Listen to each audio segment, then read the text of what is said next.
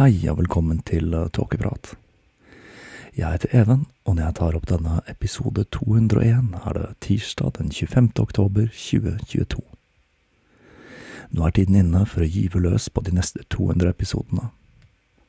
Som jeg filosoferte litt over når jeg satt i skogen og tok opp den andre versjonen av episode 200, så er jeg litt usikker på veien framover når det gjelder formatet, eller rettere sagt rammene rundt tåkeprat. Jeg har jo lagt meg på denne antikommersielle linjen, og per i dag overlever podkasten på støtte fra Patrion, Vips og salg i nettbutikken. Jeg må nok litt i tenkeboksen for å se om det finnes noen andre løsninger som kanskje kan være mer gunstig, som for eksempel å ha flere Patrion-eksklusive episoder. Men sett fra en annen side så er jeg en ihuga tilhenger av fri informasjonsflyt, så vi får se hva det blir til. Enn så lenge så setter jeg iallfall enorm pris på hver og en av dere patrions der ute. Og for de av dere som kunne tenke dere å være med på dette digitale spleiselaget, så trenger ikke dette å koste deg mer enn en skarve tier i måneden. Og det er noe jeg vil tro de aller fleste har råd til, til tross for trange økonomiske tider. Nå som vi starter på den første av de neste 200 episodene, skal vi litt tilbake til start. Litt av det som drev meg til å starte tåkeprat, var irritasjonen over Rydolf Steiner og Steiner-bevegelsen, og nå har det toppet seg litt for meg igjen. Så jeg valgte å lage denne, en litt kortere episode, for å lufte ut litt av min frustrasjon over et tema som har plaget meg lenge. Kiropraktikk er en alternativ behandling som på merksnodig vis har fått en plass ved siden av allmennmedisinen. Faktisk i så stor grad at jeg kan lese at selveste Nav gir støtte til behandling hos kiropraktor. Jeg har i mange år vært klar over den mildt sagt brokete historien til denne behandlingsformen, og hver gang noen begynner å snakke om at de har vært hos kiropraktoren for å bli kvitt alskens plager, så må jeg legge bånd på meg for ikke å holde et foredrag om opprinnelseshistorien til praksisen. For svært mange mennesker har et nært og kjært forhold til kiropraktikk, og kritikk kan raskt føre til konflikt med ellers svært så oppegående mennesker. Men nå måtte jeg bare, altså. Jeg kommer sikkert til å tråkke mange på tærne med den episoden, men jeg skal forsøke å gjøre det hele med et så åpent sinn som mulig, og jeg skal forsøke å tråkke på tærne deres med joggesko og ikke boots. Men litt guffent, det blir det nok for enkelte, uansett. Aller først så er det et par ting jeg må få på det tørre. For det første så finnes det flere alternative behandlinger som har en ekstremt lang fartstid, som for eksempel kinesisk medisin eller yoga, som har elementer i seg som åpenbart har noe for seg. Den sistnevnte der er et ganske godt eksempel. Yoga er et eh, kjempevidt begrep som beskriver en åttedelt vei hvor man kan dedikere livet sitt til ulike praksiser for å stilne sinnet og finne sin egen sjelevilje. Det vi forbinder med yoga her i Vesten, er stort sett ulike varianter av asana-yoga, som er en av de åtte veiene.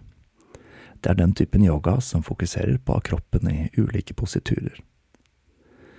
Yogabegrepet og indisk mystisisme er for øvrig noe jeg sikkert kommer til å ta for meg i en fremtidig episode eller serie. Selv så setter jeg Bhagavad Gita som en av de beste religiøse tekstene som er skrevet, men det får altså bli et tema for en senere episode. Selv drev jeg med ashtanga-yoga i seks år, og hadde stor glede av det fram til jeg overdrev litt og ødela knærne mine, så jeg måtte ta en liten pause fra praksisen min. For meg er det liten tvil om at man kan ha et stort fysisk og psykisk utbytte av yoga, men om man går tilbake og leser litteraturen fra Sri Patbi Joyce, guruen som satte sammen ashtanga-sekvensen, så finner man mye rart som påstander om hvordan de forskjellige stillingene renser ulike organer til spreke kostholdstips. Ifølge Joyce er nemlig verdens sunneste diett en som består av mongbønner, klarnet smør og sukker. Med tanke på at læren hans baserer seg på eldgamle tradisjoner fra en tid da man ikke hadde tilgang på moderne medisin, så tenker jeg det er greit å ta ut det som virker, og ikke tenke så altfor mye på de sikkert velmente medisinske rådene han kommer med. Poenget mitt her er at det finnes gamle tradisjoner som har vært inne på ting, selv om man kanskje ikke helt har skjønt årsakssammenhengen. Men når det gjelder kiropraktikk, så er ikke dette en tradisjon med røtter i oldtiden. Som vi snart skal få se, så er dette tvert imot en ganske så ny praksis, som ble oppfunnet av én en enkelt person på en ganske så tvilsomt måte vi snart skal se litt nærmere på. I tillegg så føler jeg det er veldig viktig å snakke litt om placeboeffekten her. Mange mennesker tenker på placeboeffekten som noe som ikke fungerer, men den er jo faktisk det motsatte. Bare det å bli behandlet med en ikke-virksom behandling, eller det å ta en pille uten virkestoffer, kan i mange tilfeller fungere svært godt. I enkelte tilfeller kan det faktisk fungere like godt som ekte medisin, om vi kan kalle det for det. Det vil jo si at menneskekroppen har en mekanisme som i mange tilfeller lar den helbrede seg selv.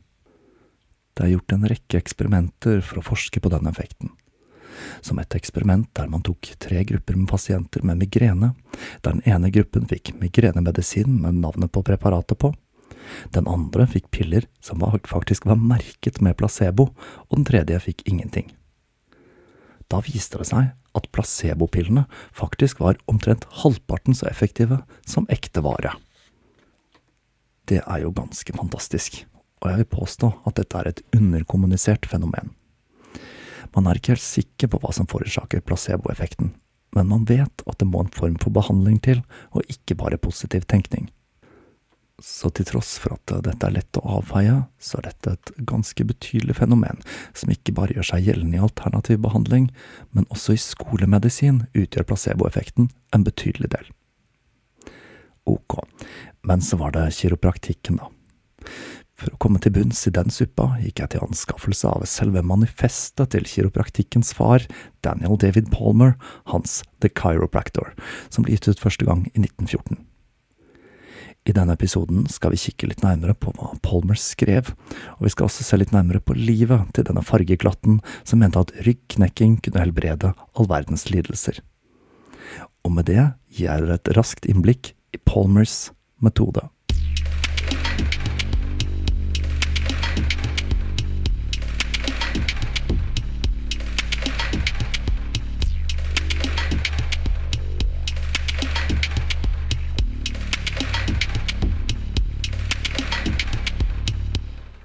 Daniel David Palmer ble født den 7. mars 1845 i hva som i dag er Ajax i Ontario, Canada. Det var besteforeldrene hans som opprinnelig hadde utvandret dit fra USA. Han gikk på skolen fram til han var elleve år gammel, og han flyttet til Statene når han var 20. Der bestemte han seg for å praktisere en av sine store lidenskaper, magnethealing.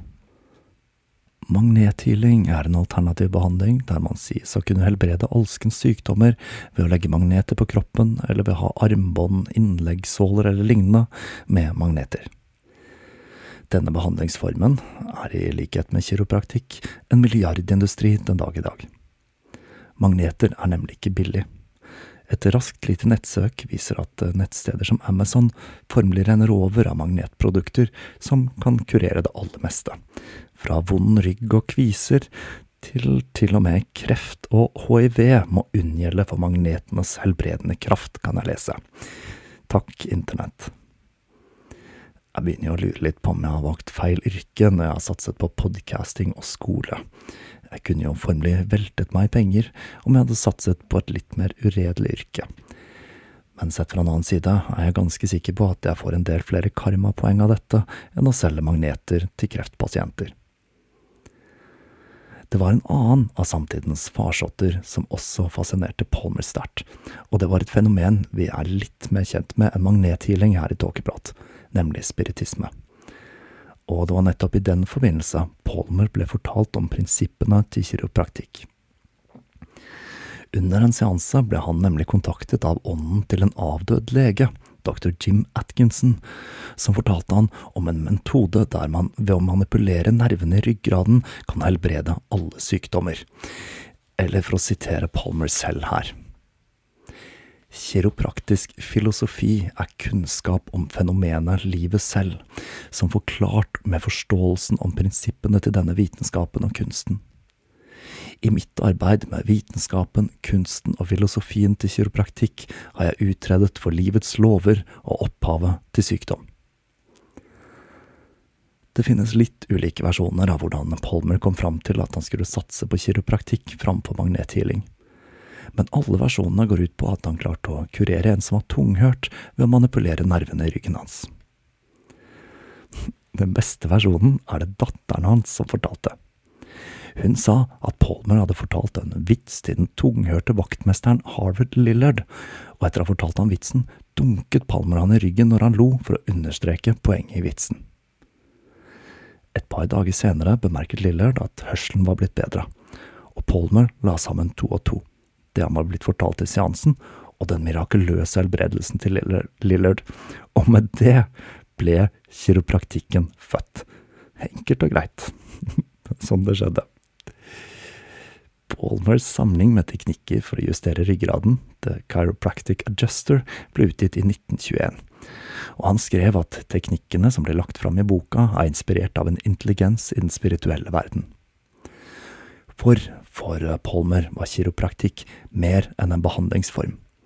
Han skrev Vi må ha en religiøs leder en som er grunnleggeren på samme måte som Kristus, Mohammed, Joseph Smith, Miss Eddie, Martin Luther og andre som har grunnlagt religioner.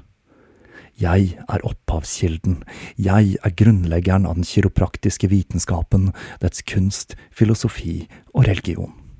Som en eh, liten sidenote så var Joseph Smith luringen som grunnla mormonekirken, og Miss Eddie refererer til Mary Baker Eddie, som var den som grunnla Christian Science, som vi jo husker fra serien om Marilyn Monroe. Dette var en bevegelse som i likhet med Palmer tok sterk avstand fra skolemedisin. Det var nok en grunn til at Palmer var veldig opptatt av å smekke merkelappen religion på kiropraktikk. For etter å ha åpnet en skole i kiropraktikk i Davenport i Iowa, ble han i 1906 dømt for å praktisere medisin uten løyve. Palmer valgte å ta fengselsstraffen framfor å betale boten, men etter 17 dager fikk han nok, og han valgte å betale. Like etter solgte han skolen til sønnen sin, og han flyttet til vestkysten, hvor han grunnla skoler i Oklahoma, Oregon og ikke minst i California. Det at han ble satt i fengsel og måtte betale bot, gjorde at han rebranda hele geskjeften sin. Han angrep det hele fra en ny vinkel, og som han gjør det helt klart i manifestet sitt, så er det religionsfrihet i USA. Han åpner faktisk hele boka med å skrive at de amerikanske myndighetene ikke har lov til å gripe inn i den religiøse plikten til en utøver av kiropraktikk. Jeg må jo si at eh, selv om det var ganske beleilig at denne behandlingsformen ble en religion, så virker det jo litt som om Palmer faktisk mente at den var det, for han skriver. Kiropraktikk dreier seg om biologi. Det er det eneste gjennomførte systemet som forklarer spørsmålet hva er liv, og som filosofi er den vitenskapen over alle vitenskaper. Det er en vitenskap som tar for seg eksistensen, karakteren og egenskapen til Gud, den gjennomtrengende, universelle intelligensen. For Palmer han var ikke beskjeden når det gjaldt hva han kunne utrette med kiropraktikk. Her kan vi se på et eksempel, når Palmer forteller om en mirakuløs helbredelse av en ung mann. Frank, en ung mann på 21 år, ble brakt til meg for behandling. Fysisk var han en krøpling i de nedre og øvre lemmene. En lege ville ha sagt at sykdommen var medfødt, men for en kiropraktor så var dette en tilegnet tilstand. For alle sykdommer er tilegnet. Alle har en årsak, enten før eller etter fødselen. I dette tilfellet var det den sjette virvelen i ryggraden som hadde kommet ut av posisjon under fødselen. Ved daglig å justere på den unormale ryggvirvelen vokste den tilbake til sin normale posisjon, noe som gjorde at sjelen fikk mulighet til å skape en normal og stigende idé som vil vare evig. Ved å gjøre dette gjorde jeg en tjeneste, en plikt, når jeg takket ja til tilliten som var blitt vist meg. Jeg gjorde ikke dette kun fordi jeg følte det riktig, det var min religiøse oppgave. Det er litt usikkert for meg hva han mente var tilfellet med den unge mannen. For meg så høres det litt ut som om Palmer mente at han hadde blitt skadet i det hinsidige, og at han med sin kiropraktikk rettet ryggraden hans for fremtidige reinkarnasjoner. Beskjeden, det var han i hvert fall ikke. For eh, i likhet med Steiner så var det veldig viktig for Palmer å ta hensyn til det spirituelle når man helbredet med kiropraktikk. Palmers metode har i det hele tatt flere likhetstrekk med ulike alternative retninger som oppsto i samtiden. Men i motsetning til følgerne til Steiner, som hevdet at alt Rudolf hostet opp var helt unikt for ham alene, så ga Palmer et anerkjennende nikk til andre retninger i samtiden, som tidligere nevnte Christian Science. Alt kunne løses ved hjelp av justering av ryggraden, og det var ikke bare voksne som måtte justeres. Spedbarn får også gjerne skader i ryggraden i fødselskanalen, ifølge Palmer, og de trenger en justering for å kunne fungere normalt. Og når det gjelder kiropraktikk på babyer, så viser et raskt nettsøk at dette er noe man driver med den dag i dag. For at barnet skal utvikle en normal nervefunksjon, skrives det. Evolusjonen gjorde tydeligvis et par feilgrep, men ikke større enn at de kan rettes med kiropraktikk, må vite. For kiropraktikk, det handler ikke bare om vonde rygger. Dette er en behandlingsform som kan kurere det aller meste, inkludert kriminell atferd. Palmer fisker fram et eksempel der en kvinne som ble fengslet i 1911 for kleptomani, ble kvitt denne lidelsen etter en operasjon der man lettet på trykket mot en av nervene i ryggraden. Palmer skrev at all sykdom forårsakes av ledd som er kommet ut av stilling, og at 95% av all sykdom skyldes feiljustering av ryggraden. Jeg vil vel tippe at selv de mest ihugga tilhengere av kiropraktikk i dag har litt problemer med den påstanden der. Det var i det hele tatt ikke måte på hva som kunne kureres med kiropraktikk. Palmer funderte til og med på om han hadde funnet kilden til evig liv, siden all sykdom og aldring kunne forklares med uønsket trykk mot nervene i ryggraden. Han skrev at menneskets sjel holder til i nervene i ryggraden, og at Sjelen har den samme relasjonen til kroppen som Gud, den allmektige, har til universet. Gud er overalt i universet, og på samme måten gjennomtrenger sjelen alle deler av kroppen fra sin kilde. Nervenes vibrasjon, kunne han fortelle, er kilden til selve bevisstheten, som en slags biologisk strengeteori, det der. Det er vibrasjonen til nervene som skaper livet selv, og det er da kiropraktorens oppgave å justere disse, og det, med det manipulere selve livskraften til mennesket. I sin The Chiropractor har Palmer hele kapitler om forholdet mellom nervesystemet, revmatisme og leddproblemer, katar, traumer, forgiftning og feber. Men jeg må jo si at det er litt påfallende at det ikke er et eneste kapittel som heter Vondt i ryggen, for det er vel primært dette kiropraktikk blir brukt til i Norge i dag, vil jeg tro, om jeg skal ta utgangspunkt i de jeg kjenner som har blitt henvist til kiropraktor. Jeg vet i hvert fall ikke om noen som har blitt henvist til kiropraktor av høy feber, eller kleptomani, for den saks skyld. Alt dette er jo feiende flott, da, men det er jo noen utfordringer med kiropraktikk. Palmers opprinnelige virke, magnethealing, det har en kjempefordel, fordi det er en relativt ufarlig praksis, bortsett fra for lommeboka, da. Men det å knekke og vri på rygg og nakke for å kurere sykdom er ikke helt uten risiko.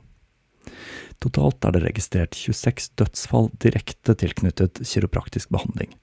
I tillegg så finnes det nok en del mørketall, og behandlingen er altså forbundet med en risiko for slag. Et argument jeg har sett blitt brukt mot dette, er at kiropraktikk er tryggere enn allmennmedisin, og langt tryggere enn eksempel operasjoner. Men jeg vet ikke om dette er et spesielt godt argument for å få rettet på klemte nerver, slik det ble instruert til en luring i Amerika av en avdød lege, dersom det er forbundet med noen som helst risiko overhodet. Gi meg heller en magnet, sier, sier nå jeg, den kan jo til og med kurere kreft uten bivirkninger, har jeg lest på internett. Tok ikke så altfor lang tid etter Palmers død i 1913 før Norge fikk sin første kiropraktor. Det skjedde nemlig alltid i 1922. Den norske kiropraktorforeningen ble stiftet i 1935 og har i dag ca. 400 medlemmer. I 1975 bestemte Stortinget at kiropraktorbehandling var refusjonsberettiget, i 2006 ble kravet om legehenvisning fjernet, og i 1988 ble kiropraktor, i motsetning til demonolog og sexolog, en beskyttet tittel. Det går derimot ikke an å utdanne seg til kiropraktor i Norge, da må man ta turen til Danmark, Storbritannia, Australia eller USA. Man har ved flere anledninger forsøkt å opprette et studium for kiropraktorutdanning her til lands, men dette har møtt hard motbør, da det har blitt kritisert for å være med på å legitimere en udokumentert behandlingsform. Denne kiropraktorutdannelsen den er lang, og tar hele fem år. Og det er kanskje ikke så rart, når man må sette seg inn i Palmers mildt sagt omfattende system for justering av ryggraden. Boka hans The Chiropractic Adjuster, som er en samling av tekster han skrev, inneholder oppskrifter på hvordan man kan kurere all verdens sykdommer over mer enn tusen sider. Palmer mente altså at han hadde funnet en kur mot all sykdom, og han vendte derfor ryggen mot allmennmedisinen og ting som vaksiner.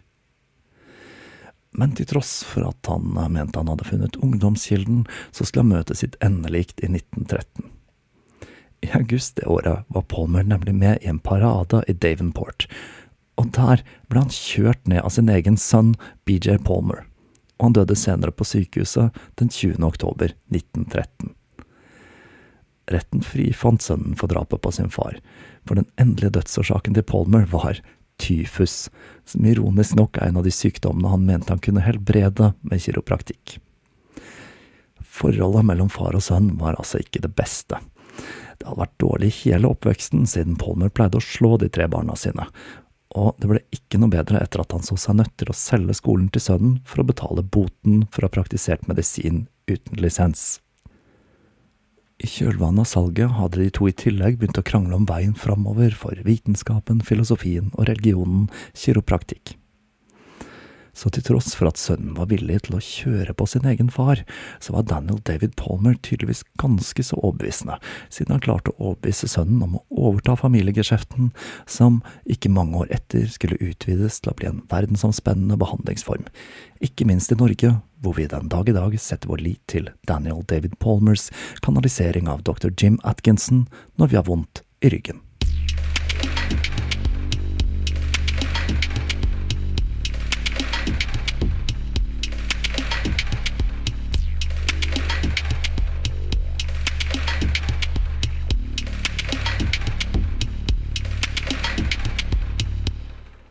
Der legger vi lokket på kiropraktikken og Daniel David Palmer. Jeg håper at ikke så altfor mange der ute ble rasende da de hørte den episoden, for som jeg sa innledningsvis, så er placeboeffekten en høyst reell effekt, og det er ikke så vanskelig å se for seg at en behandlingsform der man faktisk hører at det skjer noe i ryggen, kan være med på å trigge kroppens egen helbredingsprosess, og faktisk kan ha en effekt, uten at det betyr at Palmer sin kanalisering av dr. Jim Atkinson trenger å være korrekt. Men det som irriterer meg, er at eh, denne behandlingsformen er blitt hva man på engelsk har et veldig godt uttrykk for, jeg tror vi ikke har på norsk, nemlig to be grandfathered in, som betyr, betyr noe i retning av det har alltid vært sånn, og alle vet at det virker. Kiropraktikk har vært en del av norsk folketro siden det glade tjuetall. Selv vår antihelt Marve Fleksnes holder en tirade om at kiropraktorer vet masse ting om ryggen leger ikke vet noe om, i Det går alltid et tog fra 1974. Et ganske fornøyelig gullkorn med norsk humor der. Her må det også sies at kiropraktorer i vår tid ofte blander kiropraktikk med mer jordnære behandlingsformer, og neppe deler synet til Palmer om at feiljustering av ryggraden står for 95% av alle sykdomstilfeller.